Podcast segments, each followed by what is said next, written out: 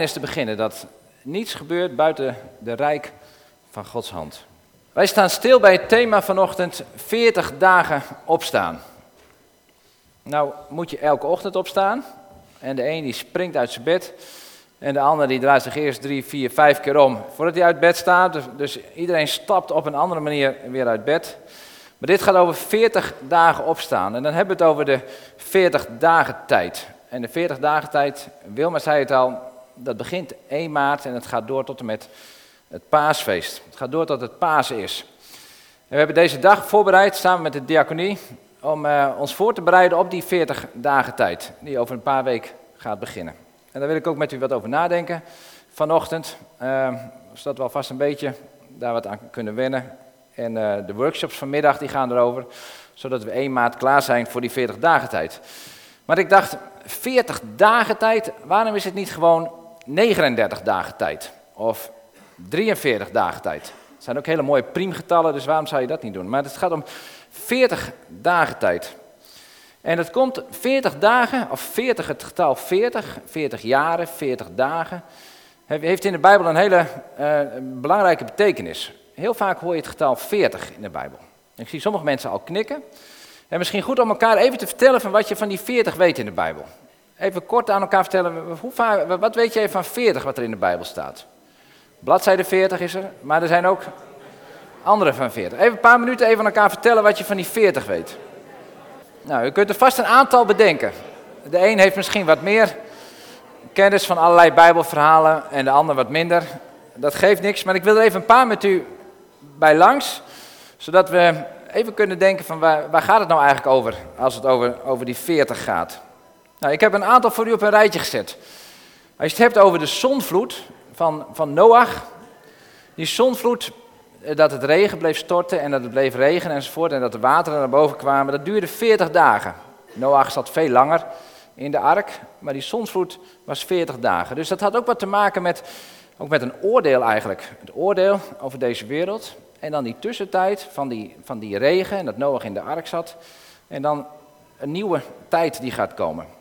Mozes, is een beetje geknutseld, zou je denken, maar dat is niet zo. Werd 120 jaar, dat is natuurlijk drie keer 40. Um, maar het leven van Mozes is ook in vieren te verdelen. Hij was 40 jaar in Egypte. Daar werd hij voorbereid op de tijd die later zou komen. Dan was hij 40 jaar in de woestijn. En 40 jaar woestijn, dat komt heel vaak terug. Niet alleen bij Mozes. En daarna was hij 40 jaar leider van het volk Israël. Het waren de ene periode was mooi afgerond, toen kwam de andere periode en toen kwam weer een nieuwe periode. En toen Mozes 40 jaar in de woestijn was, was het volk Israël natuurlijk daar ook.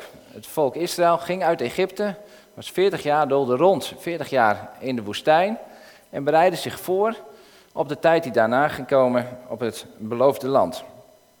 40 is ook het getal van de generatie. Het is een generatie in het Oude Testament. Na 40 jaar komt er een nieuwe generatie. Het is een afgeronde tijd, een afgeronde periode.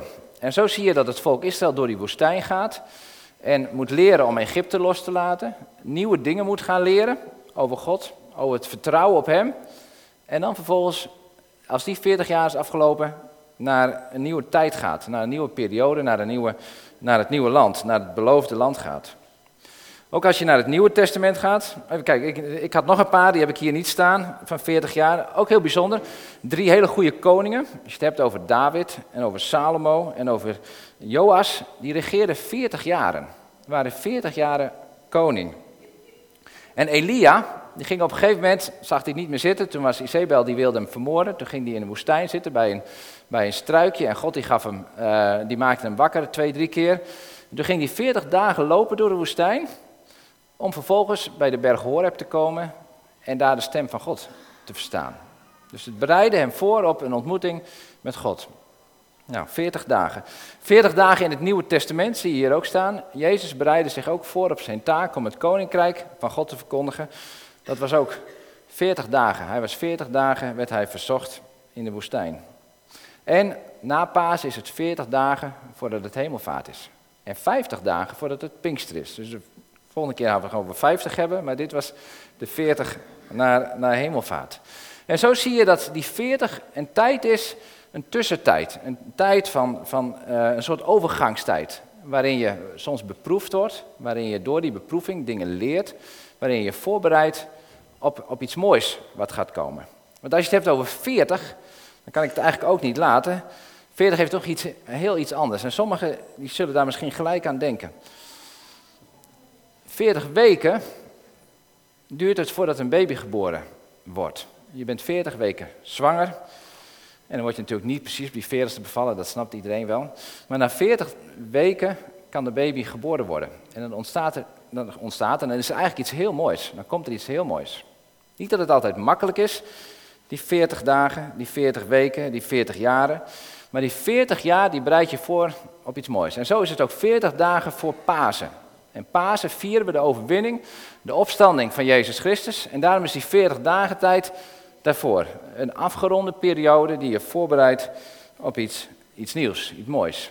Niet zo van, nou, we wachten even 40 dagen en we turven dat netjes af. Het is 40 dagen voorbereiden, 40 dagen je inzetten, 40 dagen misschien ook wel een beetje afzien. 40 dagen je focussen. Net zoals een zwangerschap ook niet altijd makkelijk is. En, een wandeling door de woestijn van 40 dagen, 40 jaren in die woestijn zijn, zoals het volk Israël was. Sommige mensen die gaan vasten in die 40 dagen tijd, die maken het zich daardoor ook niet makkelijk. Maar tegelijk bereiden ze zich daar ook voor op het mooie, het mooie wat gaat komen. En zo is die 40 dagen tijd een tijd om je te richten op God. Een tijd om je te focussen op je relatie met God. En om de stemmen om je heen, het lawaai om je heen even stil te zetten, even stop te zetten en te luisteren naar wat God zeggen wil. Nou, de tieners die hebben daar een dramastukje op voorbereid. En ik wil de tieners vragen om nu naar voren te komen om dat te laten zien.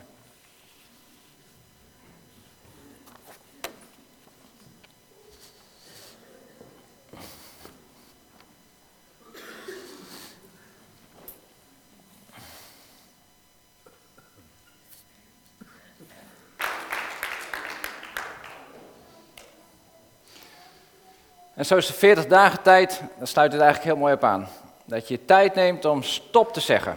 Stop tegen allemaal stemmen die je hoort, tegen allemaal geluiden die je om je heen hoort. Stemmen die zeggen dat je niet goed genoeg bent, stemmen dat je mensen teleurstelt, dat het nooit wat met jou gaat worden. En dat je zegt stop. En dat je tijd neemt om je te focussen, te richten op God. Dat je even offline gaat, dat je even de boel uitzet en tijd neemt van 40 dagen om je op God te gaan richten. Nou, bedankt tieners dat jullie dat zo hebben uitgebeeld. En dan, Matthias speelde dat heel mooi, om de stem van God te horen. Om te horen wat Hij tegen je te zeggen hebt. Want als je ervoor kiest om allerlei andere stemmen te horen, dan kies je er ook voor om Gods stem niet te kunnen verstaan.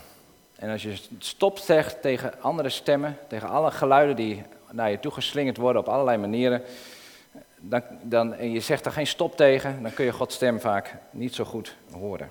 In die 40 dagen tijd nodigt jou en mij uit om tijd te nemen om naar Gods stem en Gods verhaal te horen. Ik wil je meenemen in een verhaal wat uit de Bijbel komt. En het Bijbelverhaal lees ik je niet voor. Wat, wat, wat gaat over iemand die, die ook tijd neemt om naar God te luisteren. Tijd neemt om naar zichzelf te luisteren, van waar ben ik nou eigenlijk? Die tijd neemt, die stilgezet is, om bij die vragen stil te gaan staan. En misschien, voor de jongeren, misschien herken je op een gegeven moment het verhaal wel. En dan moet je maar even tegen je moeder of tegen je vader of degene die naast je zit zeggen, dat is het verhaal volgens mij. En als je als ouder het verhaal weet, dan moet je misschien wel eens even aan je kinderen vragen van weet je het al, om erachter te komen wat voor verhaal het is. En ik wil je daar wat, begin met een plaatje, moet ik even de goede knoppen drukken. Het gaat over deze man. En deze man, die, je kan het misschien een beetje goed zien, hij zit tegen een boom aan. En hij is moe. En hij is moe van alles wat hij heeft meegemaakt. En hij zit na te denken, je ziet het ook wel. Hij zit zo een beetje na te denken. En je ziet aan zijn kleren wel dat hij niet de nieuwste kleren aan heeft. Hij heeft een stok in zijn hand. Hij heeft geen goede stoel. Hij zit tegen die boom aan te zitten en een beetje voor zich uit te staren. Hij is een tijdje niet naar de kapper geweest. Ik kan niet zeggen dat hij zijn baard heeft laten staan, want dat had hij misschien al wel. Maar zo zit hij daar een beetje tegen die boom. En hij zit een beetje na te denken. En je ziet ook dat hij niet echt blij is. Hij is een beetje teleurgesteld. En hij denkt na over wat er allemaal gebeurd is. En nog niet zo heel lang geleden, dan dacht hij, dacht hij, toen had ik het beter. Toen ging het beter met mij. Toen had ik allemaal vrienden om me heen. En toen woonde ik nog in een stad. En had ik een mooi huis. En had ik allemaal mensen om me heen, vrienden om me heen. En het was reuze gezellig. En het was hartstikke leuk. Nou, als hij daar nou over terugdenkt, was het echt hartstikke leuk. Dat weet hij ook weer niet. Maar het was in ieder geval vaak feest. En het was leuk. En hij had een zak met geld had hij mee. Hij had een zak met geld waar heel veel geld in zat. En het leek geen einde aan te komen. En toen dacht ik, ik ga een feestje geven. En toen kwam hij allemaal vrienden tegen. En die zeiden, wij gaan feest vieren. En dan gingen ze naar het ene feest naar het andere. En toen zei hij, nou joh, een feest vieren in die stad, dat is nog wat. We gaan even een lekkere vakantie vieren en we gaan er lekker op uit. En dan ging hij er lekker op, uit. En hij had toch genoeg geld om feest te vieren. En allemaal mensen kwamen op hem af, want die vonden het wel gezellig met hem. Dat was leuk. Feest vieren, zoveel drinken als je wilde, zoveel eten als je wilde. Je hoefde je nergens druk om te maken. Het ging hartstikke goed met hem. Nog niet eens zo heel lang geleden. Hij had dromen, hij had hele mooie dromen en die waren bijna allemaal uitgekomen. Hij droomde van een groot huis, van een mooie auto, van veel vrienden, van beroemd zijn en heerlijk doen waar hij zin in had. En een mooie status en mooi aanzien bij zijn vrienden. Hij had het allemaal voor elkaar gekregen. Maar nu zat hij hier tegen die boom aan. En wat moest hij doen? Een beetje op de varkens passen. Dat was het enige wat hij nou moest doen. Op zijn varkens passen. Nou, dat waren niet eens zijn varkens, waren het maar zijn varkens. Dat waren de varkens van zijn baas. En hij had niet eens genoeg eten. En af en toe wilde hij wel wat eten hebben, wat hij aan de varkens moest geven. Maar dat mocht hij zelf niet eens eten, had zijn baas gezegd. Dat moest hij van de varkens geven. Want die varkens die moesten vet gemest worden, die moesten verkocht worden. Zodat het, zijn baas daar geld voor kon beuren. En zo zat hij daar bij die varkens. Na te denken over zichzelf. En hij vond zichzelf niet zo'n grote, stoere vent meer. Hoe ben ik hier ooit terechtgekomen? Wat voor vent ben ik nou eigenlijk? Ik had het zo mooi voor elkaar. Geld, vrienden, huis en het is allemaal weg. Wie ben ik nou eigenlijk? Wat kan ik nou eigenlijk? En wie kijkt er nou eigenlijk nog naar me om? Wat ben ik eigenlijk nou nog waard? En zo zit hij hier na te denken. Te reflecteren op zichzelf, op zijn leven en waar het allemaal naartoe moet. Wie weet welk verhaal het is? Joshua weet het.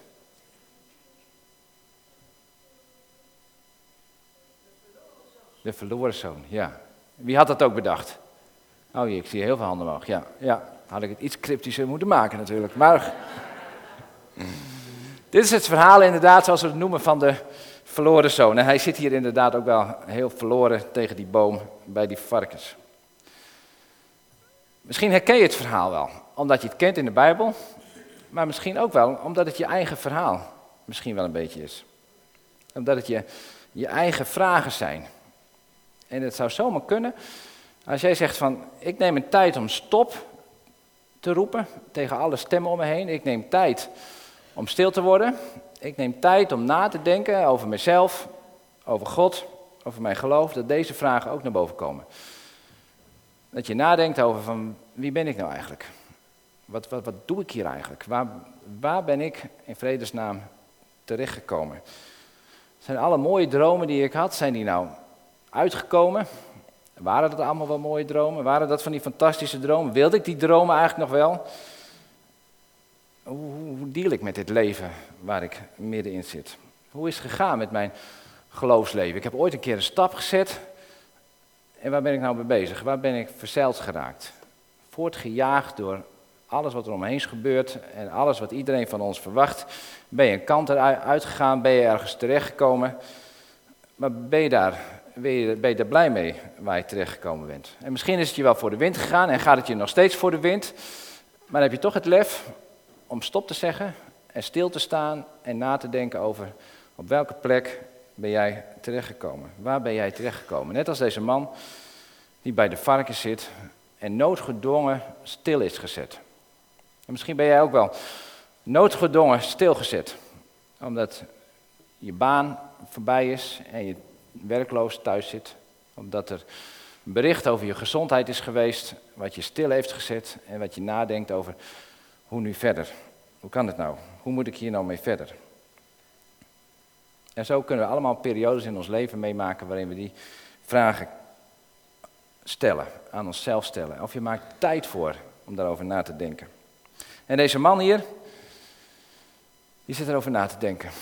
Hij is zijn geld kwijt, hij is zijn vrienden kwijt, voor zover je dat dan allemaal vrienden mocht noemen. Hij is flink ontvriend, denk ik in ieder geval.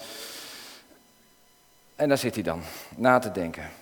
Maar hij is niet alleen zijn spullen kwijt, niet alleen zijn vrienden kwijt, maar hij is ook zichzelf kwijt. Hij is zichzelf kwijtgeraakt in alles, in alle drukte. En misschien is ook wel zijn geloof kwijtgeraakt. En zo zit hij daar.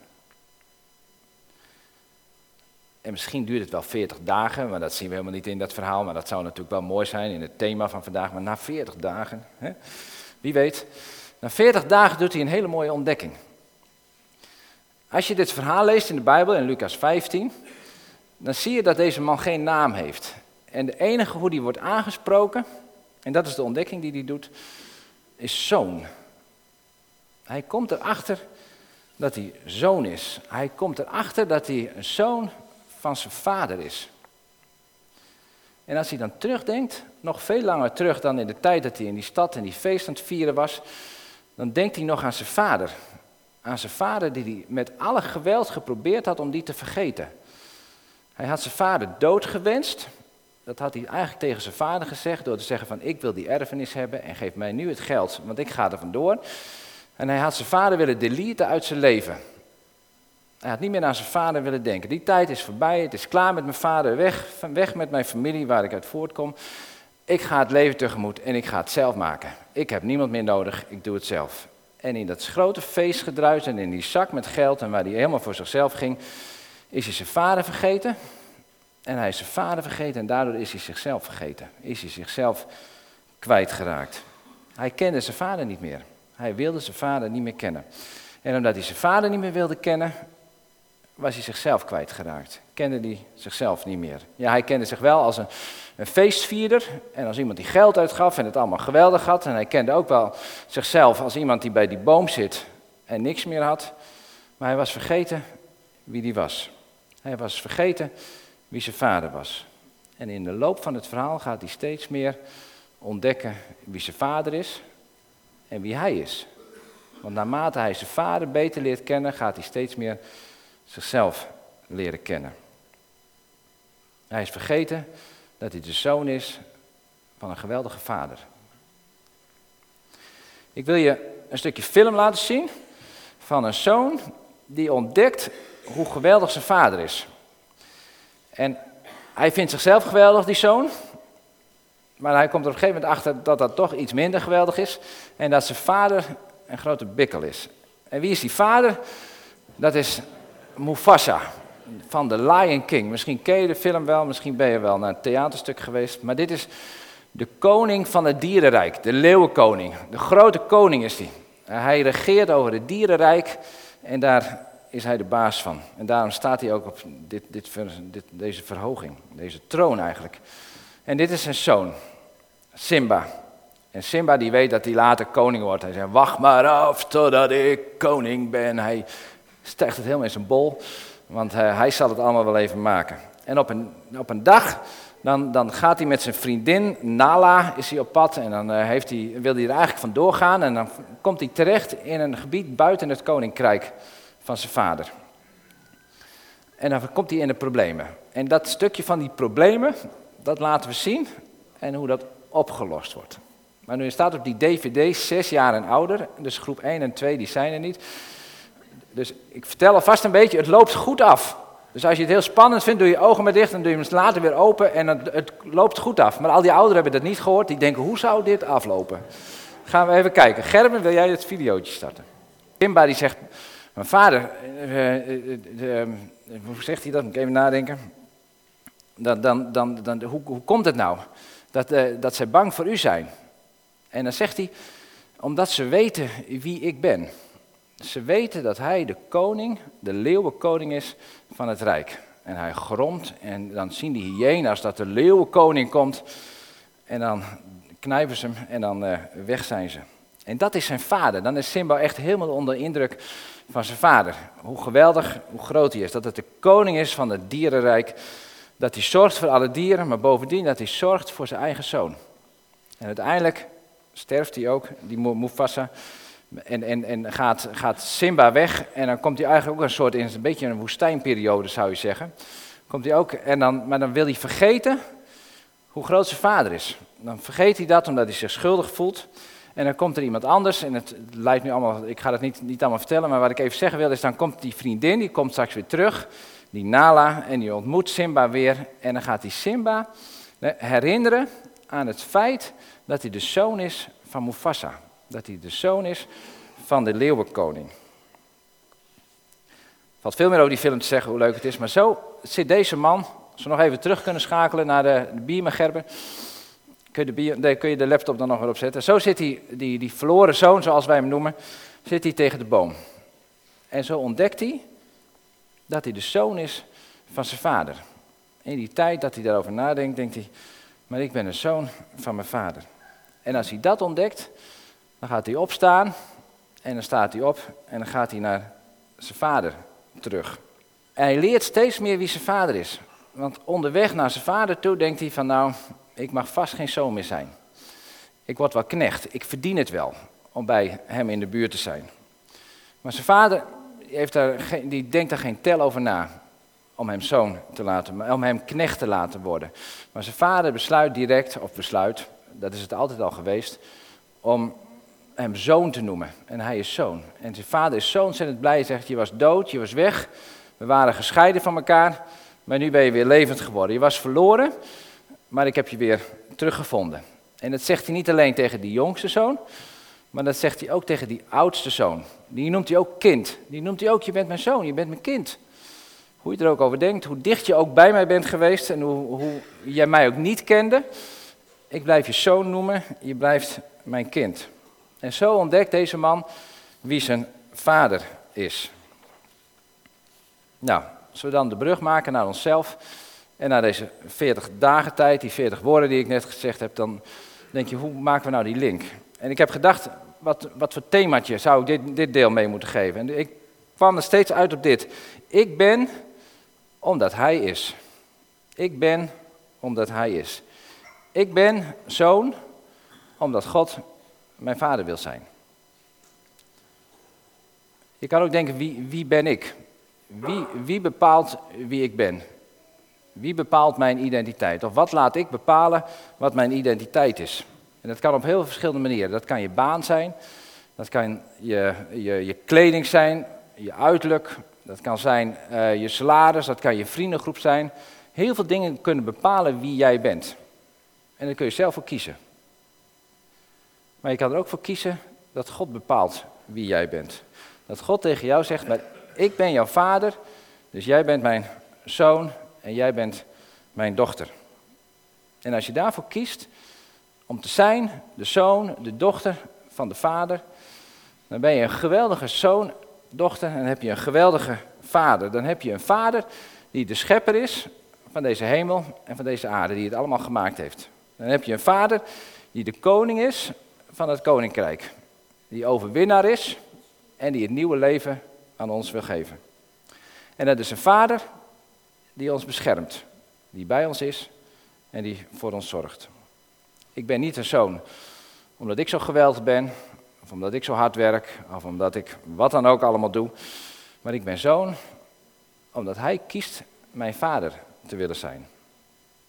En dat vind ik mooi, want dat geeft mij rust. Daarmee is het ook niet van mij afhankelijk. Maar daarmee mag ik ook met de dingen die in mijn leven spelen en de dingen die ik tegenkom, de zorgen die ik heb, de dingen die ik door de week meemaak, de dingen die u door de week meemaakt, die jij door de week meemaakt, mag ik bij mijn vader brengen. En het is een vader die zorgt, een vader die betrokken is en een vader die verbonden wil zijn aan mij en aan jouw leven. En we zijn kinderen van hem. Ik wil deze tekst aanhalen, ik heb het Bijbelgedeelte niet gelezen, maar deze tekst in 1 Johannes 3, vers 1 staat: Bedenk toch hoe groot de liefde van de Vader is. De grote liefde is die de Vader ons heeft geschonken. Wij worden kinderen van God genoemd en we zijn het ook. Niet dankzij jou en mijn inspanning, maar omdat Hij onze Vader wil zijn. Dat de wereld ons niet kent, komt doordat de wereld Hem niet kent. En naarmate we God beter leren kennen, naarmate we onze Vader beter leren kennen, des te trotser, als ik dat zo even mag zeggen, mogen zijn dat we kinderen, dat we zonen en dochters van Hem mogen zijn. En zo kunnen we door die 40 dagen tijd heen gaan. En zo is dit een soort thema wat je over na zou kunnen denken. Maar als je 40 dagen tijd neemt om over God na te denken, om je te focussen op wat Hij je te bieden heeft, dan kom je misschien wel op hele andere dingen. Dan doe je misschien wel hele andere dingen. Zo vult iedereen zijn eigen 40 dagen in. Zo kun je gaan vasten, waar Wilma iets over gaat vertellen. Om van daaruit je te richten op God. Je kan tijd nemen voor, meer tijd nemen voor gebed. Om dicht bij God te zijn. Je kan ook heel bewust soberder gaan leven, waar Jansje over gaat vertellen vanmiddag. Of je gaat juist op bezoek bij mensen. Om het leven te delen en het leven met God te delen ook. Waar Betty vanmiddag iets over gaat vertellen. En zo willen we de 40 dagen tijd nemen om naar Pasen toe te leven. En om dan het grote feest van de opstanding te vieren. Een tussentijd, een voorbereidingstijd, misschien niet helemaal makkelijk en niet helemaal uh, dat het vanzelf gaat, maar dat je echt iets aan de kant moet zetten, iets speciaals wil gaan doen in die 40 dagen, om in die voorbereidingstijd toe te leven naar het paasfeest dat komen gaat. Ik zie ernaar uit hoe we dat met elkaar doen en hoe we daarna ook met elkaar een heel speciaal paasfeest kunnen gaan vieren. Zullen we met elkaar bidden. Dank u, Vader, dat u een grote en bijzondere God bent. En dat we daar iets van mogen kennen en iets van mogen proeven, maar dat we zo ongelooflijk veel nog niet weten van u. Heer, en we bidden dat u de komende tijd ons steeds meer van uzelf laat zien, zodat we onder de indruk zijn van wie u bent. Heer, omdat deze wereld onder de indruk is van u. Omdat u groot en machtig bent, dat u de koning van de koningen bent. Heer, en zo bidden we dat, dat we ieder op onze eigen manier een tijd kunnen nemen om uh, uw woord te openen, om stil te worden, om naar u te luisteren, om met elkaar het over u te hebben, om zo meer zicht op u te krijgen. En we danken u dat we zonen en dochters van u mogen zijn, dat uw oog op ons is, dat u ons beschermt, dat u dag in, dag uit met ons meegaat. En ook al voelen we u niet altijd, en snappen we u niet altijd, en voelen we ons soms alleen, en zitten we in de shit, in de problemen, bij de varkens, u bent steeds onze Vader. En uw oog is op ons. En we mogen ons steeds weer naar u toe begeven. We mogen dicht bij u zijn, dichter bij u komen. En uw bescherming en uw geborgenheid ervaren. En zo bidden we zegen zo over elkaar voor de komende tijd. Als we daarmee aan de slag gaan. Dat bidden we in Jezus' naam. Amen.